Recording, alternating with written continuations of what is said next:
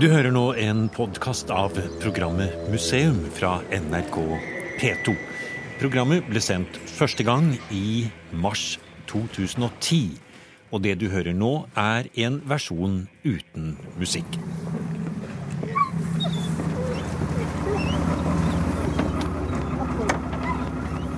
Vi er ved Buena kai i Os, en tre mil syd for Bergen. Vi måker oss ut på brygga og går om bord i skyssbåten over til Lysøen. Det var da storveis og egen eh, båttransport her òg. Det er jo flott. Ja, ja. En firmabil på Ja, ja.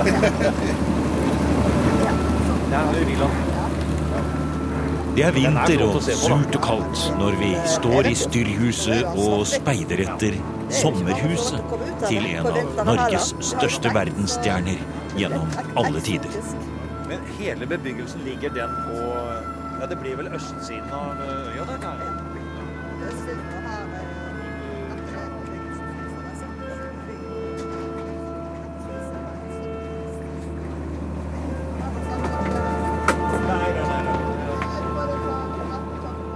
Sammen med avdelingsdirektør Berit Høgheim på museet Lysøen skal vi straks gå i land og vandre opp til Ole Bulls eventyrslott.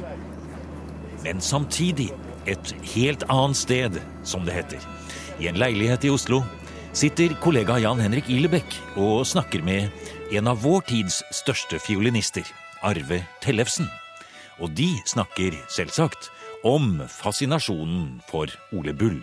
Ja, det var vel eh, ca. 1970 da, hvor jeg ble invitert til eh, Lysøen på en konsert sammen med Robert Levin eh, og Sigbjørn Bernhoft Osa. Og da, Før da så visste ikke jeg noe annet om Ole Bull enn det folk flest vet. At han var en verdensberømt fiolinist og gjorde mye rart. Og klatra til toppen av Keopspyramiden og spilte Setejenten søndag og sånn. Så utover det så visste jeg faktisk ingenting. Men så skjønte jeg jo det når jeg var på Lysøen, hans andre hjem da i Bergen, utenfor Bergen, at eh, han hadde gjort så kolossalt mye annet utenom selve fiolinspillinga. Han var jo en verdensberømt eh, fiolinist, men eh, det er jo ikke så stort å være verdensberømt fiolinist. Men det en gjorde for norsk kulturliv utover det, det er ganske stort og veldig viktig, da. Da, så da ble jeg tent eh, veldig og ble nysgjerrig og begynte å grave opp og lære meg litt mer om det. Og for Lysøen kom jeg over noen brev og noen, noen gamle noter. Og, og etter hvert så ble jeg veldig fascinert av Ole Bull. Ja. I løpet av 200-årsjubileet for Ole Bulls fødsel kommer Arve Tellefsen med en ny CD med Ole Bulls musikk. Men alt vi hører i dette programmet, er hentet fra utgivelsen i 2005, hvor Tellefsen spiller Ole Bull med Trondheim Symfoniorkester under Eivind Odland og Håvard Gimse på piano. Akkurat her hører vi litt av musikken Ole Bull skrev til det store tablået i Christiania Teater i 1849, med brudeferden i Hardanger som kulisse. Et seterbesøk heter suiten.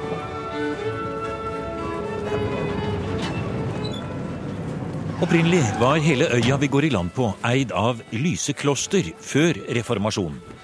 Men opp gjennom århundrene har det vært lite bosetting her. Bortsett fra litt jordbruk og fiske, sier Berit Høgheim.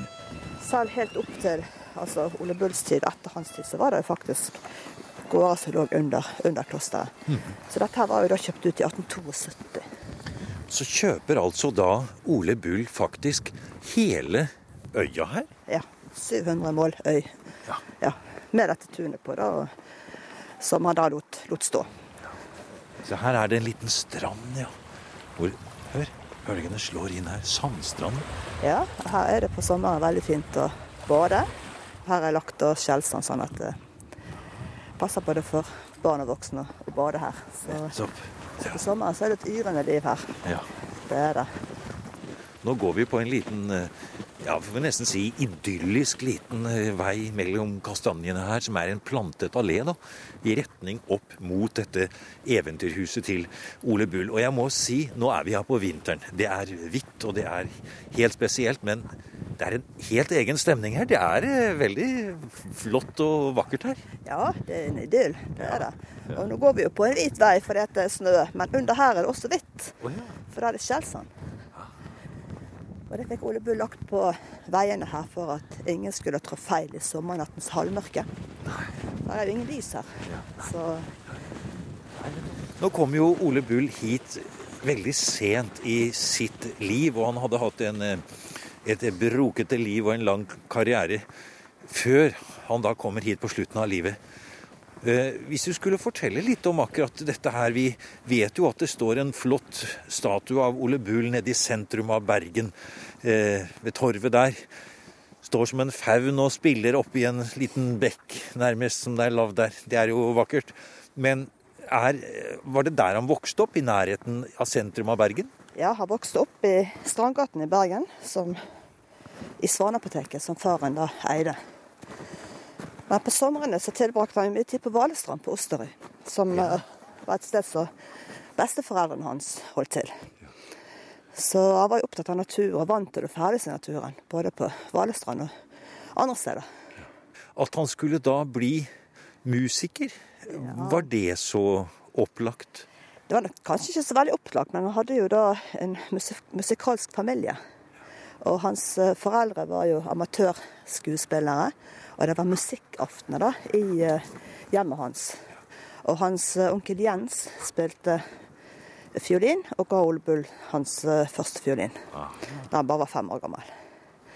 Sånn at det lå vel litt i, i kortene at han skulle spille, men at han skulle bli så stor som han ble, det var vel kanskje ikke Han begynte jo Altså, han spilte jo i Bergen i Harmonien allerede som åtteåring. Men han reiste jo fra Bergen som 18-åring. Og eh, da var det jo for å studere i Kristiania. Og da skulle han jo aller helst bli prest. Ja. Men han ville bare spille, og eh, brukte tiden sin på det. Og klarte da å stryke til latineksamen. Ja. Sånn at den veien ble stengt for han. Og fortsatte å spille bl.a. i Lycée Kristiania. da. Ja. Og så reiste han ut i, ut i den store verden. Nettopp. Det er jo et underlig sted vi kommer til her. Altså, det er søylene, kuppelen, alle utskjæringene. Ja, det er jo eh, nesten litt sånn eh, Soria Moria. Der er inspirasjoner fra flere verdenshjørner. Og hvis du tar vekk eh, pynten, så er det jo et sveitserhus som står igjen. Så den kuppelen er jo landemerket vårt, da. Det er jo en fantastisk eh, russisk løkkuppel som er dekket med skifer. Og hvis du ser godt etter, så er det to farger. Det må jo liksom Ja, for vi ser det er en mørkere blåfarve også som kommer under den skal nesten baldakinen med de vridde søylene og den store trappa opp der. Ja. Og så er det da den sorte kuppelen hvitt og ja. Ja. ja det, det er et spesielt hus, og, og det er mye å gjøre på dette huset. Så det trengs mye vedlikehold. Alle detaljene skal pleies.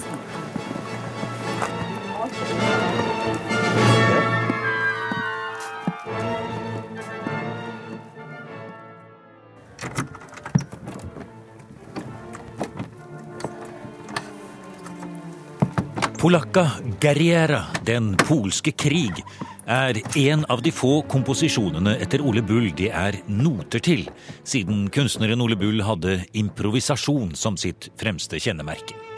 Men det sies at nettopp Polakka Guerriera var en av de numrene han alltid hadde med på sine konserter. Og når vi kommer inn i huset, begynner vi å skjønne hvorfor. Se her, ja. Her kommer vi. Her henger det malerier på veggene. Her er en stor peis i den ene- ene rommet. her. Dette er vårt anegalleri. Ja. Og her er Ole Bull selv. Hans foreldre, søsken og aner lenger tilbake.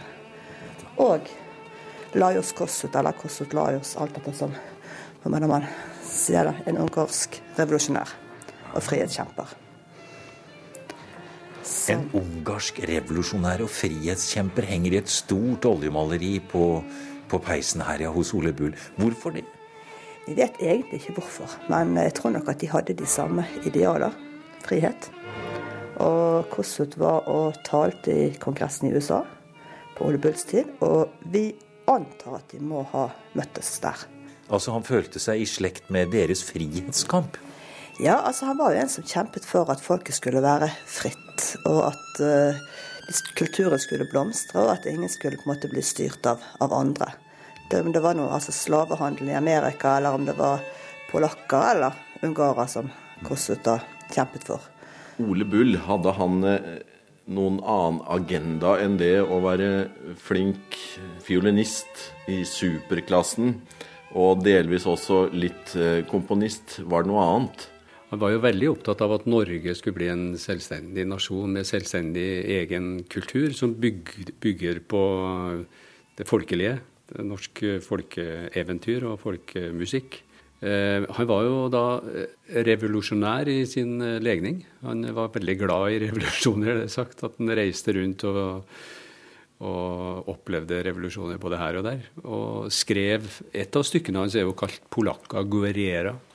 Som den det er en hyllest til polsk opprør i 1830-årene. Og han var nok øh, ville at Norge skulle bli øh, få slutt på unionen med Sverige. da. Men der har du jo det dobbeltbundet i Ole Bull som også ga seg uttrykk i musikken.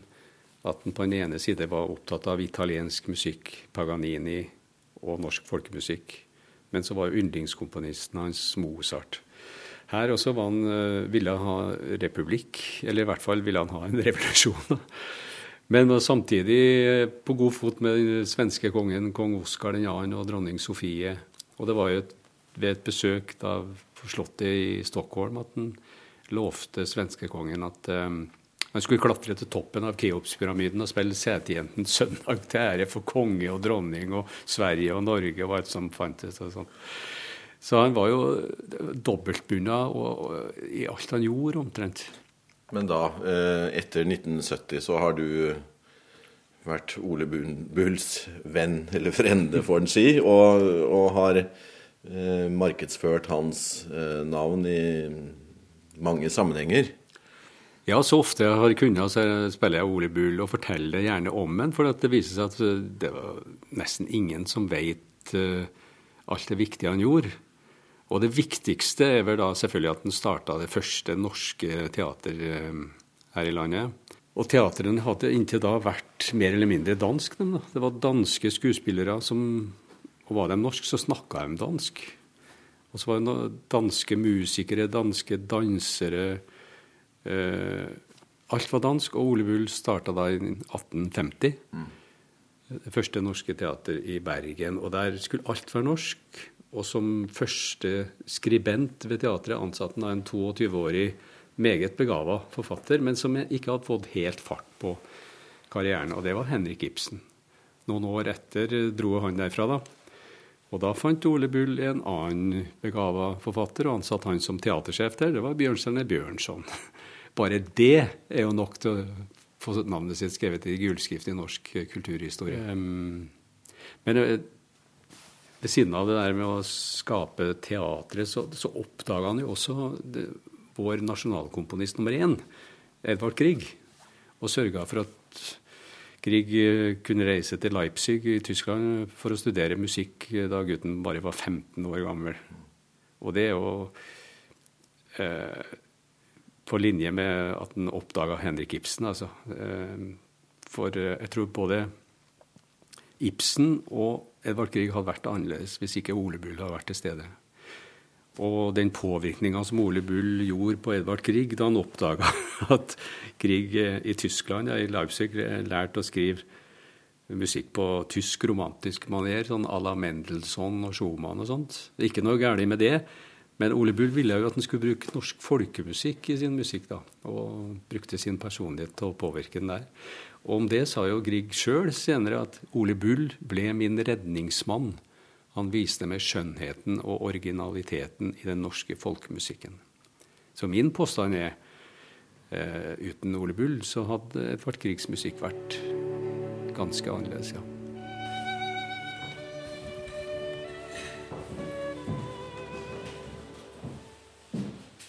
Det kan ta pusten fra noen og enhver å gå rundt inne i Ole Bulls gotisk-arabiske eventyrslott på Lysøen. I det store musikkrommet med vridde søyler, utskjæringer overdådige møbler, speil og krystallysekroner, med en utsikt gjennom store vinduer med glassmalerier, får man inntrykk av å gå på en teaterscene, hvor minnene etter Ole Bulls eventyrlige liv er kulissene. Ja, kanskje. Det, dette var jo da ble jo etter hvert hans, uh, hans sommerhjem for sin andre familie. For etter at den første konen døde, så fortsatte han jo sitt turnéliv. Og reiste både østover og vestover. Og spesielt uh, i Amerika så gjorde han stor suksess på de siste 20 årene av sitt liv. Og da spilte han flere ganger i Det hvite hus. og han... Uh, spilte for Abraham Lincoln? Ja, spilte for Abraham Lincoln. Ja da. Da har vi en begeistret uh, rapport fra den konserten. Og han um, møtte da en ung senatordatter i Wisconsin som het Sarah Thorpe. Så, som han giftet seg med? Han giftet seg med henne. Sara. Hun var 20 da de giftet seg. Hvor gammel var Ole Bull da? Da var han blitt 60. Ja. ja. Og uh, de fikk da en datter som het Olea. Og det var for sin familie da at han bygget Lysholm. Men han hadde jo allerede hus i USA. Da hadde han et uh, sommerhus i Maine, som fremdeles er i familiens eie. Og så leiet han da hus i Cambridge utenfor Boston. Altså, han var jo en verdensstjerne. Det var han. Og uh, altså, det er vanskelig å måle opp mot dagens uh, stjerner, for i dag så har man jo annet, en annen måte å bli kjent på. Men den gangen så, så spilte han, og folk kom på konsertene. Men det er klart, populariteten hans gikk jo litt opp og ned.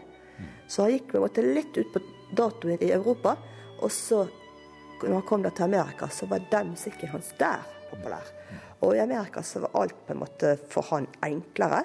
Der var konsertsalen større, der kunne han ta tog fra by til by. Det var, ja, han var på en måte på en litt bølge der, men samtidig så hadde han konkurrenter. sånn at han var liksom ikke alene på, på markedet. Men så hadde han, han må ha hatt noe helt spesielt som gjorde at folk kom på konsertene hans. Og han omgikkes uh, High Society i USA, og, og uh, ja, det var eh, en god tid for han da. Så, så han døde egentlig på topp. Ole Olsen Fiol, norsk nordmann fra Norge, skal visstnok Ole Bull ha skrevet på sine konsertplakater da han i sine siste leveår turnerte det norske Amerika om vintrene og bodde på Lysøen om sommeren. Pengene strømmet inn og rant like fort ut. Det var store prosjekter som Det Norske Teatret i Bergen, Musikkakademi i Oslo, statue av Leif Eriksson i Boston og et norsk musikkprofessorat i USA, pluss selvsagt de luftige planene om en norsk koloni, Oleanna i Philadelphia, som systematisk tok knekken på Ole Bulls økonomi. Da han døde i musikksalen på Lysøen den 17. august 1880, og ble båret ut med en kvast røsling i hånden. Det norskeste av alt var det landesorg i Norge. Det eventyrlige livet og Ole Bull som inspirasjonskilde for Wergeland, Welhaven, Ibsen, Bjørnson og Vinje, og for den saks skyld H.C. Andersen, blir husket og feiret. Men hvordan var det egentlig med Ole Bulls musikk? Hva vet vi om den? Ja, det er veldig spesiell musikk, for han var jo et øyeblikkets mester som eh, improviserte på scenen. Og han var, mm, tok opp temaer som publikum plystra eller sang fra salen og sånt. Og, og, det var der kanskje hans største begavelse lå. Eh, en, masse av de tingene han spilte, da, er jo ikke nedskrevet engang. En del ting er akkompagnementet, altså orkester eller klaver skrevet ned, men ikke solostemmen, for den improviserte han jo gjerne på scenen. Eh, så har vi, flere med meg, da, eh, forsøkt å finne ut av hva var det han kunne ha gjort der og der og der. Og, så. og etter, Det fins jo en del ting nedtegna, og det er ganske interessant. Det er forferdelig vanskelig. Han har jo skrevet ned ting som rett og slett er uspillige, da. Men han nok, hadde sine triks eh, som gjorde voldsomt inntrykk på publikum. Og da kan det være vanskelig å få skrevet ned det akkurat på noter. Altså, så der må man gjette seg litt til det. Eh, så var han jo selvfølgelig ingen komponist av stort format. Han var ikke noe, verken Mozart eller Beethoven eller Grieg eller noe sånt eh, i den klassen. Så det var jo fiolinstykker som gjorde inntrykk på folk, romantisk, eh, med innlagte personlige triks. da. Og mitt inntrykk er jo at uh, yngre fiolinister i dag ikke bryr seg så mye om det. det. det. gir dem ikke sjansen til å vise ordentlig hva de er gode for. Da, for å gjøre karriere selvfølgelig i dag, så må de jo spille klassikerne.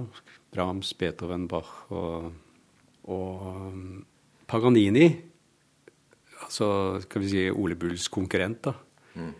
Uh, han har jo skrevet mye bedre musikk. Det må vi bare innrømme.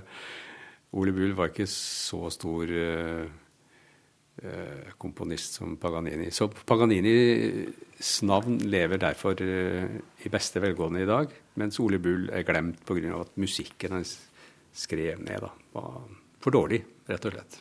Men du liker mye av det? Ja, jeg gjør det, men eh, det er fordi at jeg setter meg inn i det datidens uh, hvordan, eh, hvordan, Ole Bull oppførte seg på scenen, og hvordan han påvirka publikum. Og sånn, og sånn skjønner jeg musikken fungerte veldig bra. Og så er jo selvfølgelig de to perlene 'Settejentens søndag' og 'I ensomme stunde'. De er jo, det er jo vakre melodier, men det er jo ikke noen store komposisjoner, selvfølgelig.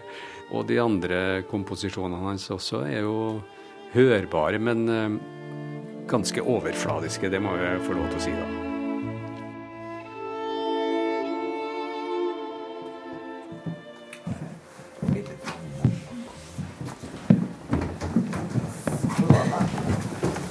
Det er nok av ganger og trapper og sånne. Avdelingsleder Berit Høgheim viser oss rundt i den mer moderne delen av eventyrvillaen Ole Bull påbegynte. Og dette er Arve Tellesens rom når han er her. Ah, er det det, du? altså Det er det flotteste av disse gjesterommene her oppe, da, men en av grunnene til at fiolinistene får dette rommet, er at her kan de Ja, for her kan de løfte og øve, løfte buen, ja. Og dette rommet er jo da dekorert av Osbygdens dyktigste rosemalere. Ole Bulls amerikanske familie fortsatte å bruke huset og eiendommen som sommersted i 90 år etter kunstnerens død. Ole Bull og den unge Sara Thorpe fikk ett barn, datteren Oleanna. Og det er hennes datter igjen, Sylvia Bull Curtis, som ga eiendommen med hele øya og alle bygninger som gave til Bergen og Hordaland avdeling av Fortidsminneforeningen i 1973. Her er vi nede i dagligstuen, ja. Ja, se her, ja. Her eh, ble det gjort litt endringer i 1905. Ja. Da var det at Ole Bulls eh, datter egentlig ønsket å bosette seg her på helårsbasis. Ja. Og her også ble det bygget om av Ole Bulls sjøl. Mm. For å få litt mer komfort i huset. Litt, eh, så jeg hadde en veldig hyggelig rundtur i huset her med Sylvia i 1986.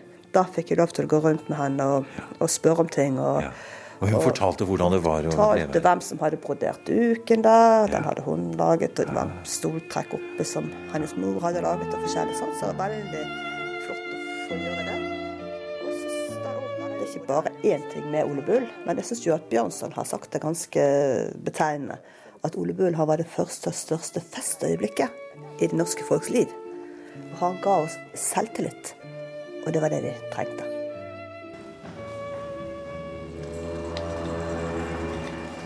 Du har hørt en podkast fra NRK P2.